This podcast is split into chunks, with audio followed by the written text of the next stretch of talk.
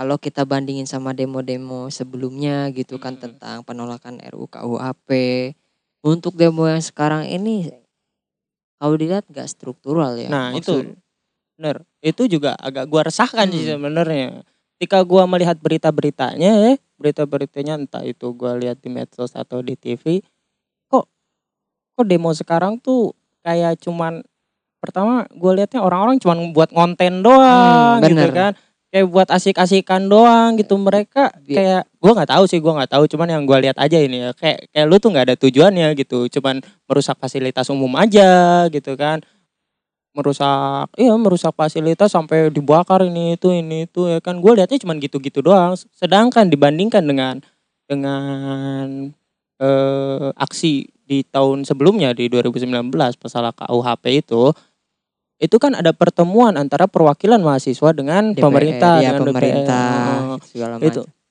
itu ada ada pertemuan gitu dan dan berjalan baik ujungnya ya kan Betul, betul. dan itu menurut gue lebih efektif gitu ketimbang kita rusuh rusuh rusuh rusuh gitu kan mungkin mungkin mungkin eh, mereka rusuh karena pendapat mereka kayaknya nggak didengar atau pemerintah apa ya nggak menjumpai mereka lah gitu nggak mempertemukan mereka tapi tapi caranya nggak nggak sampai gitu gitu di tahun 2019 aja memang ada kericuhan sampai merusak fasilitas umum tapi nggak separah ini gitu loh Bener banget cuy. Jadi mungkin untuk yang demo kali ini tuh apa ya?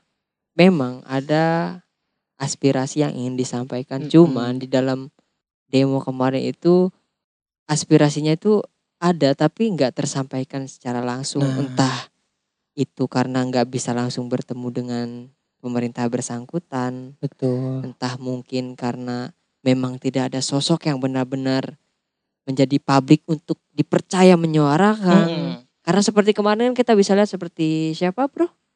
eh bang bang Pat, Pa- Patur Patur Bang ya. Patur.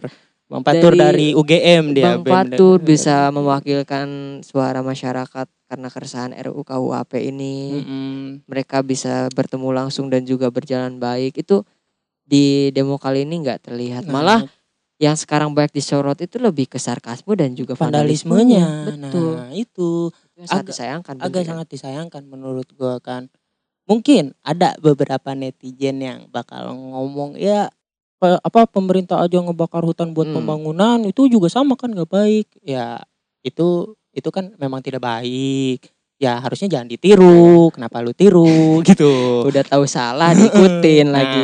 itu juga merugikan lu, lu juga jelas. kan Tapi menurut gua kalau statement muncul kayak gitu kayak itu kayak pembelaan diri sendiri sih, Bro. iya pembelaan Ya, yang heeh. dia aksi ke jalan Jadi kalau misalkan dia ngaitin sama pemerintah penggusuran lahan kayak gitu, lu lu yang demo merusak fasilitas dengan alasan dia ini karena kekecewaan, karena emosi nggak didengar itu kayaknya buat apa sih? iya Kayak ngapain sih gitu. ngapain sih lu Iya. kan gitu percuma dengan lu bakar fasilitas juga tetap aja gitu yang di yang di kantor ya udah gitu liatin aja nanti juga gua bangun lagi gitu Eh, jadi kayak malah bukannya aspirasi tersampaikan lu malah nambah pengeluaran negara.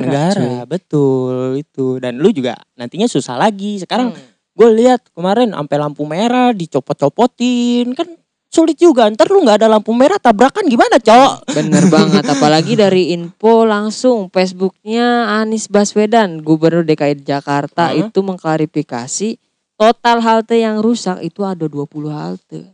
20 halte udah tuh udah berapa juta itu Udah buat bukan juta lagi Juta boy, lagi, itu kan. ratusan men. Bisa Oh. jadi miliaran, kita nggak tahu Iya. biayanya karena di klarifikasi Bapak Anies juga untuk biayanya masih belum tahu anggarannya masih dalam perhitungan. Hmm. Tapi yang tadi kita lihat updatean barusan selepas maghrib itu udah fasilitas sudah sebagian pulih Heeh, lagi ya cuy. heeh, Alhamdulillah. pulih lagi. Kerjanya Cepet. cepet cuy. Mantap, Nah, abis- saya salut. Habis dirusak sama lu, lu pada yang aksi kan dibangun lagi ya Hmm, kan. Benar, benar, benar. Nah, itu termasuk mereka termasuk ngebela lu itu secara tidak langsung. Oh ini kasihan buat rakyat-rakyat juga tetap aja. Tuh. Jadi, Tapi bro bicara negatif dan positifnya, ini kemarin juga ada positifnya juga demonya bro. apa tuh? Ini ada sinergi antara polisi sebagai yang mendampingi pendemo Mm-mm. dan juga mahasiswa dan buruh, terus juga ada relasi antara Pemkotnya dan juga pendemo gimana dalam menenangkan. Itu kalau misalkan kita lihat di Facebook resmi Anies Baswedan, di situ Anies jam 8 malam ikut terjun langsung untuk menenangkan para pendemo. Ada Mantap. videonya bisa kalian cek. Di situ ada bagaimana cara dia berdiskusi, ber- berkonsultasi supaya emosi dari para pendemo itu mereda biar enggak menimbulkan kerusakan lebih banyak. Hmm. Dan juga di klarifikasinya itu nggak ada yang menyalahkan pendemo juga. Jadi satu demo itu menyampaikan aspirasi tidak salah. Mm. Kemudian juga karena itu hak ya hak hak kita sebagai warga Indonesia untuk menyampaikan pendapat. Tapi di sisi lain juga disayangkan juga ya bro ya termasuk Iya, minusnya sampai bener. kenapa harus sampai Sebenarnya merusak. fasilitas umum Oh, kemudian ya kan? Bisa kita lihat relasi antara yang diterbitkan di media kan banyaknya ya konflik-konfliknya saja, Nah, bentrok-bentroknya hmm. saja tapi tidak terlihat seperti banyak juga di share rekan-rekan ketika saling berbagi makanan, saling Nah, berbagi itu. minuman itu juga perlu kita share ya meskipun uh, itu hal yang positif yang bisa gue sebutin. Mungkin dari negatifnya yang bisa lu sebutin bro? Dari negatifnya sih pertama ya itu jelas merusak fasilitas umum ya kan menjadikan kerugian juga buat buat eh, segelintir rakyat yang di kota itu. Terus juga eh, menjadi apa ya?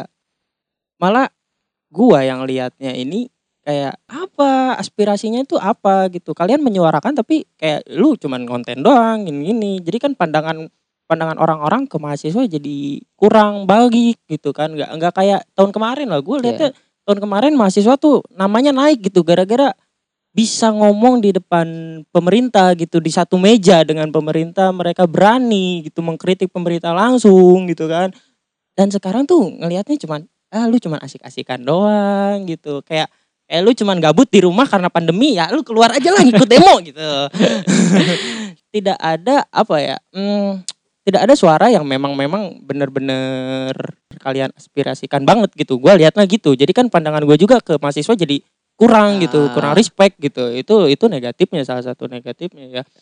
Tapi menurut gue juga mereka tuh sebenarnya yang aksi tuh hanya ingin dipertemukan dengan orang bersangkutan gitu. Betul. coba kalau misalkan dia langsung dipertemukan gitu ketika aksi itu bakal bakal biasa aja gitu menurut gua bakal enggak bukan biasa aja bakal ada sebenarnya ricu tapi enggak enggak bakal sebesar ini gitu loh Hmm. kayak dulu juga pas pas demo KUHP kan tidak sebesar ini gitu karena Betul. karena karena langsung dipertemukan dan langsung ada klarifikasi antara pemerintah dan perwakilan dari mahasiswa juga gitu kan jadinya tenang dan ini minusnya ya itu kenapa tidak langsung dipertemukan seperti itu juga gitu dan waktu itu gue lihat cuplikannya dari mayor.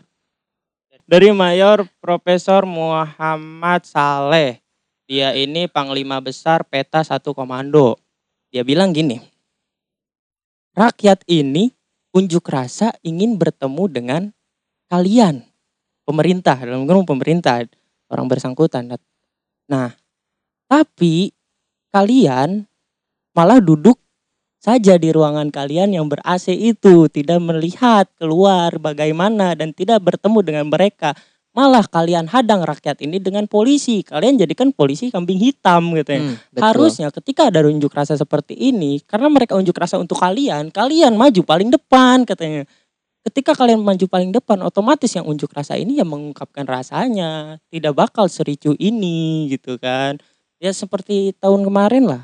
Tahun kemarin juga, set udah dipertemukan udah tuh. Tenang Aman, kan, tentram aman. ya. Iya. Itu menurut gua lebih baik seperti itu gitu ya. Memang Ya. satu yang bikin ini rusuh selalu oknum. Nah, oknum. Nggak, nggak di demo, nggak di sepak bola, nggak di mana pun.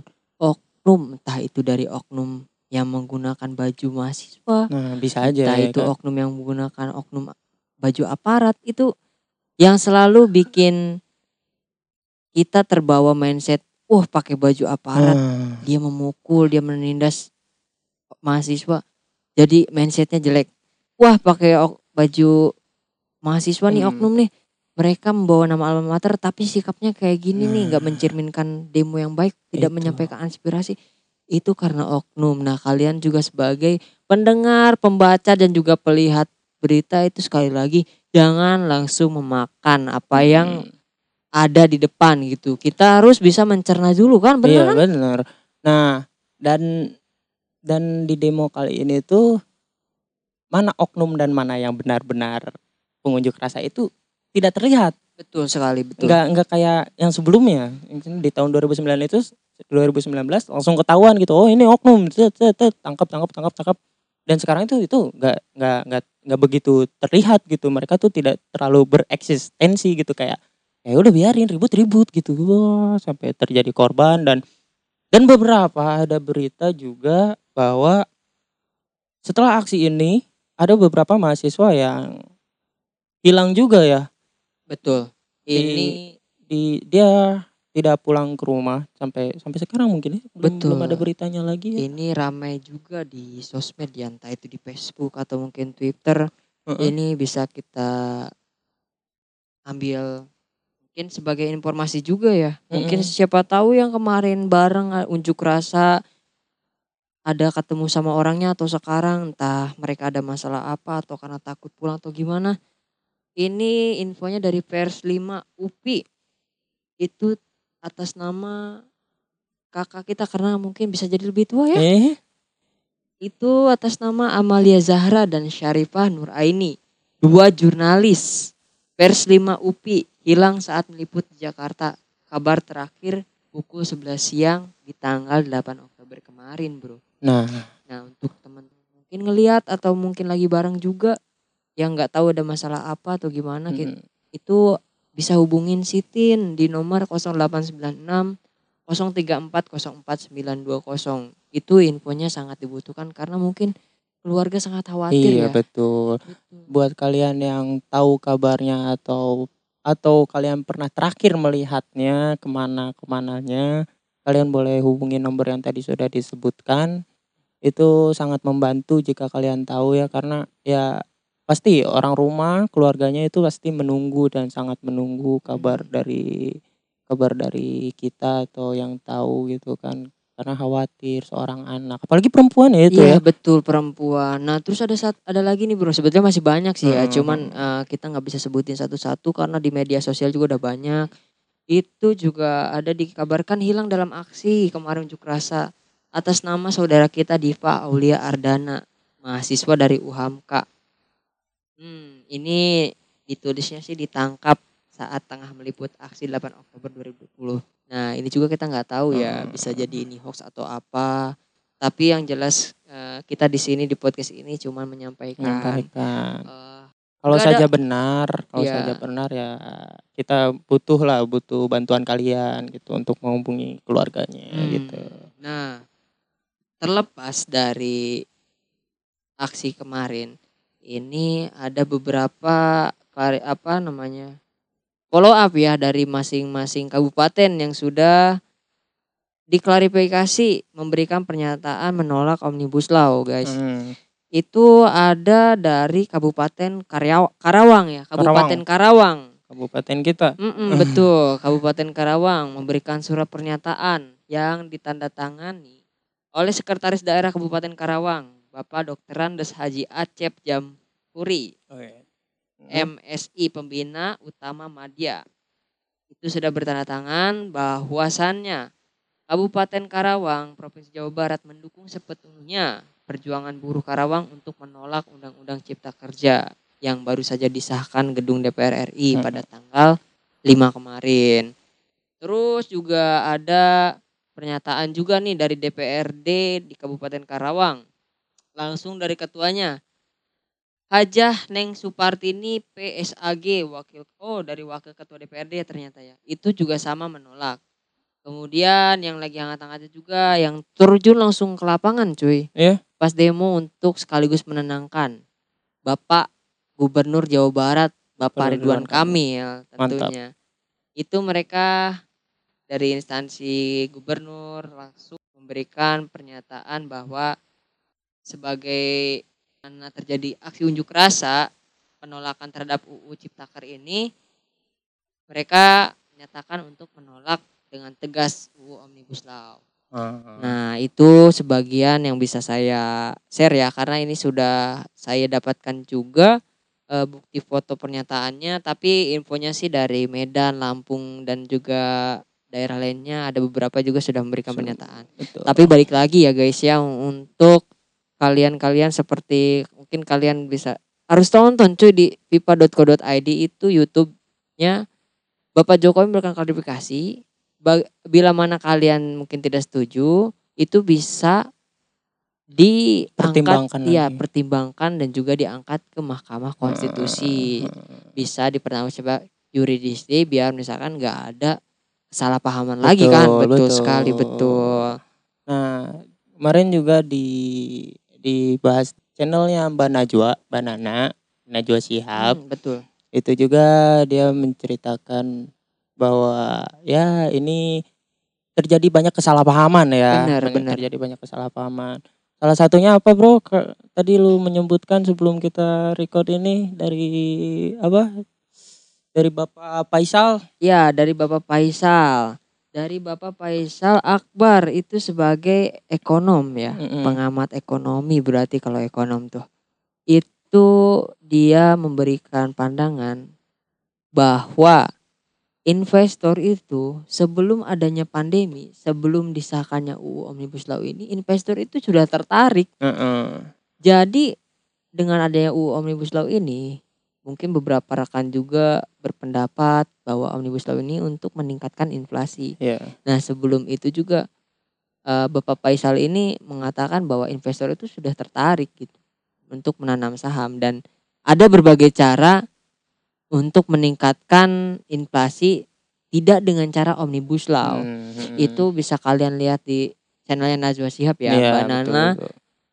Ada sampai tujuh part di situ ada para pakar ada langsung Nah. dari perwakilan badan legislatif DPR di situ ada penjelasan omnibus law UU-nya Hmm. dijelaskan langsung oleh jubirnya terus bagaimana dari pakar ekonom Betul. bagaimana dari pengamat politik itu semua ada di situ kalian bisa lihat Nah, jadi jadi faktanya itu berkesinambungan antara kalau kita ya, kalau kita berdua ini di podcast ini kita menyimpulkan merangkum bahwa eh, fakta ini terang sekali dari channelnya Najwa Shihab Hmm, dan betul. klarifikasinya dari Bapak Presiden. Presiden. Itu sangat berkesinambungan gitu. Jadi kalian untuk yang entah yang pro atau kontra, kalian bisa tonton di kedua channel itu untuk kalian men apa ya memfilter lagi dan mencerna lagi bahwa ini tuh sebenarnya baik atau tidak gitu.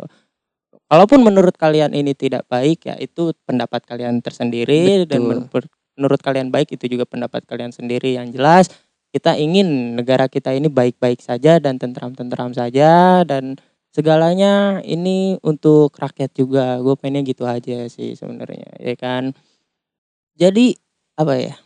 Menurut lu nih menurut lu dengan dengan kita sekarang udah tahu faktanya tahu hoaxnya tahu akibat dari kemarin aksi ini gitu kan tahu apa sebenarnya ini tuh baik atau tidaknya gitu. Menurut lu harapan lu ke depannya ini pengennya kayak gimana sih bro? Wah sebelum kita berbicara harapan mungkin kita bisa mengambil pelajaran ya. Mm-mm. dari ini tuh bisa kita lihat juga dari klarifikasi anggota DPR yang kemarin ada saat pengesahan itu banyak memberi klarifikasi bahwa draftnya ini masih dalam tahap editing Mm-mm. terus kemudian draftnya ini masih dikaji ulang apakah ada kesalahan ketik ataukah ada unsur-unsur yang bisa merugikan banyak pihak betul. Kemudian juga di channel Mbak Najwa Shihab itu DPR menyatakan bahwa ada sebagian praksi yang tidak Hmm. mengetahui seluruh isi pasalnya. Jadi menimbulkan kesalahpahaman ya betul betul antara praksi dan praksi, kemudian antara DPR RI dengan masyarakat atau buruh. Iya, jadi adanya diskomunikasi dan Betul. disinformasi ya. di Iya, jadi- kita. Sebetulnya ini pandangan gue pribadi ya. Menurut pandangan gue, ketika instansi negara itu tidak transparan, maka Mm. akan terjadilah kesalahpahaman begini yang akibatnya terjadilah aksi unjuk rasa yang begitu besar. Nah, itu. Tapi untuk harapan gua mudah-mudahan dengan klarifikasi undang-undang yang diberikan DPR RI dan juga klarifikasi yang diberikan oleh langsung oleh Bapak Presiden Betul. Insinyur Haji Joko Widodo di channel fifa.co.id dan juga banyak pengamat pakar dari jubir juga di channel Mbak Najwa Shihab atau Banana. Mudah-mudahan PP dan Perpres yang akan mendampingi UU Cipta Kerja ini sesuai dengan apa yang diklarifikasi Tuh. dari DPR RI ya. Amin, amin. amin. Karena dari pasal-pasalnya juga poin-poinnya juga insya Allah tidak memberatkan dari buruh. betul. Ada poin plusnya juga. Betul. Ada ya tidak ada peraturan yang sempurna. Mm-mm. Karena itu buatan manusia ya balik lagi. Karena kesempurnaan itu hanya dimiliki oleh kitab suci ya guys ya. Iya, Nggak ada peraturan yang sempurna dibuat manusia. Betul. Dan harapan gue sih ke depannya mudah-mudahan gitu nggak ada miskomunikasi lagi. Hmm. Pemerintah bisa terang-terangan. Iya. Terus peraturannya nggak nggak asal-asalan. Nah. Jadi nggak nggak bikin masyarakat emosi duluan. Karena guys ya ini gua kasih tahu dan lu juga pasti ngerasain urusan duit, urusan perut sensitif. betul, betul. Ini juga apa ya berkesinambungan dengan pandemi ini. Kenapa pandemi kita juga pada pada ada beberapa orang yang tidak menaati menaati protokol kesehatan Oh, ya karena mereka memikirkan. Perutnya. Jelas. Sebagaimana kata dokter Tirta, mereka butuh makan, bukan butuh masker seperti itu gitu. Jadi apa pun masalah tentang perut itu manusia pasti ribut. Jangankan manusia lah. Binatang aja kalau masalah perut pasti wah buas dia. Puas banget. Hmm, Wah, kayaknya udah di penghujung acara nih, Bro. betul, Tapi betul. ada statement yang sangat menarik kemarin untuk menutup akhir podcast nih. Iya apa tuh apa tuh? ada statement dengan adanya aksi demo ini itu bisa membuktikan dua hal. Apa? Kalau misalkan yang demo itu tetap sehat nggak terjadi covid. Hmm. Ya benar benar. Apakah ini isu politik? Jadi ini tuh termasuk konspirasi gitu. Kalau misalkan setelah pasca demo ini tidak ada angka positif naik, angka positif COVID-19 naik, berarti ini tuh ada konspirasi. Karena ini kan demo kan berkerimun ya. ber- Betul, banyak banget. Banyak banget gitu. Kalau misal orang-orang di PSBB kan, terus dirumahkan, itu masih ada angka positif COVID-19 naik, harusnya ketika mereka ke jalan dengan wah Banyak Ribuan, belasan orang, ribu, iya, puluhan ribu orang. bersentuhan, wah udah kacau lah itu. Kalau misalkan tidak ada angka positif COVID-19 naik, ini berarti angka-angka positif yang kemarin diberitakan itu hanyalah konspirasi. Kita nggak tahu ya. Nggak tahu. Tapi itu menarik banget statementnya. itu membuktikan dua hal. Covid itu adakah di Indonesia atau Iya. itu hanya politik? Aduh. Berat banget kan cuy? Kalau Gila. kalau gue pengen bahas itu, itu gue pengen banget tuh bahas itu. Nanti di next time kalau buat yang itu kan. Aduh. Iya bener ya. Ya ya sekarang dari kita berdua ya harapannya mudah-mudahan tidak terjadi lagi disinformasi dan Amin, diskomunikasi amin, amin, antara rakyat dan pemerintah. Begitupun pemerintah juga jadikan ini pembelajaran bahwa apa pun kebijakan kalian itu harus terbuka satu sama lain entah dengan pemerintahnya sendiri atau dengan rakyat. Yang terpenting dengan rakyatnya juga kalian harus terbuka gitu. Ada lagi yang mau lu sampaikan nggak tentang semua ini? Kalau nggak ada mau gua tutup aja kayaknya. Oke. Untuk ke depannya semoga rekan-rekan baik dari buruh pokoknya lapisan masyarakat tolong jangan terpancing isu-isu yang banyak bertebaran di media sosial. Karena dari tahun kemarin itu tercatat banyak banget hoax yang bertebaran hingga sekarang. Contohnya aja kayak pasal-pasal tersebut kan bro ya. Betul betul. Jadi kita harus bijak. Jangan dulu mengambil kesimpulan yang kita sendiri belum tahu kebenarannya. Nah itu kita di sini mengungkapkan bahwa di sini ada hoax dan fakta buat kalian mempertimbangkan lagi emosi kalian itu harus meluap apa tidak gitu kan harus setuju apa tidak gitu Betul. Nah, ya kesimpulan dari gua adalah di sini gua tidak terlalu mengerti dan tidak terlalu paham akan politik gitu. Cuman ya ini pembahasan agak menarik, makanya berhubung gua tidak mengerti politik, gue ini banyak nyatet dan banyak-banyak cari di sana sini untuk kebenarannya karena kita juga tidak mau menyebarkan berita yang tidak benar ya. Betul, betul. Mm, jadi kita kita punya inilah punya apa punya senjata lah. Misalkan kalau kita pahitnya kita jeleknya ditangkap nih habis record ini. Karena membahas hal ini kita punya kita punya pegangan lah istilahnya. Dan apa ya? Jadi menurut gua benar-benar terapkanlah apa itu demokrasi. Jangan jadikan demokrasi itu hanya ilusi buat kalian. Dan perhatikanlah kalian ini wakil rakyat. Kalian membutuhkan suara rakyat ketika kalian ingin menjabat. Tapi kalian tidak mendengar suara rakyat ketika rakyat ingin menuntut hak-haknya. Kalian hanya mendengar dari ruang ber-AC kalian, duduk santai tanpa menghiraukan mereka gitu. Ingat, Ingat bahwa kalian ketika dijabat, ketika kalian naik pejabat, kalian disumpah dengan kitab suci, dengan kitab suci agama kalian. Maka dari itu, takutlah kalian kepada yang maha kuasa, karena maha kuasa berkuasa atas segalanya. Sebelum kita menutup podcast ini, mari kita memberikan apresiasi untuk Bro Agung dari Adiksi Podcast gue sebagai abang-abangan dari perwakilan buruh sebagai pelaku utama sangat mengapresiasi ya. Beliau bukan seorang pekerja buruh, belum pernah menyentuh dunia industri, Iya. tapi beliau mau mengangkat topik ini karena beliau juga peduli dan merasakan kalau misalkan poin-poin kemarin itu benar-benar terjadi. Betul, betul.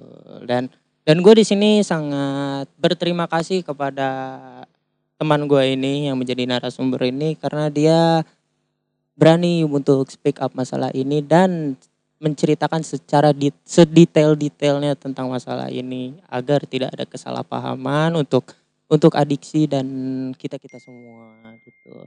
Bro, terima kasih ya bro. Gila lu udah mau menyempatkan waktu lu datang ke sini malam-malam ya kan.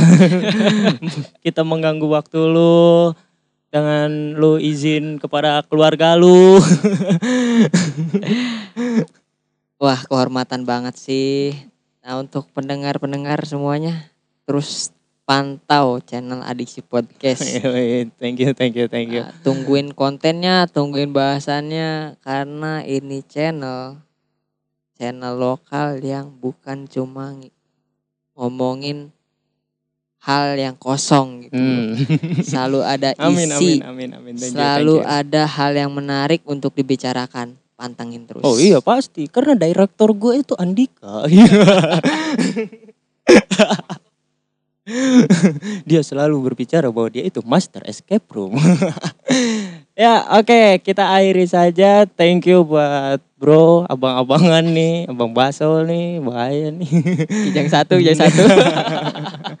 Nanti kita bertemu lagi di lain waktu dengan pembahasan yang lainnya. Gua Agung.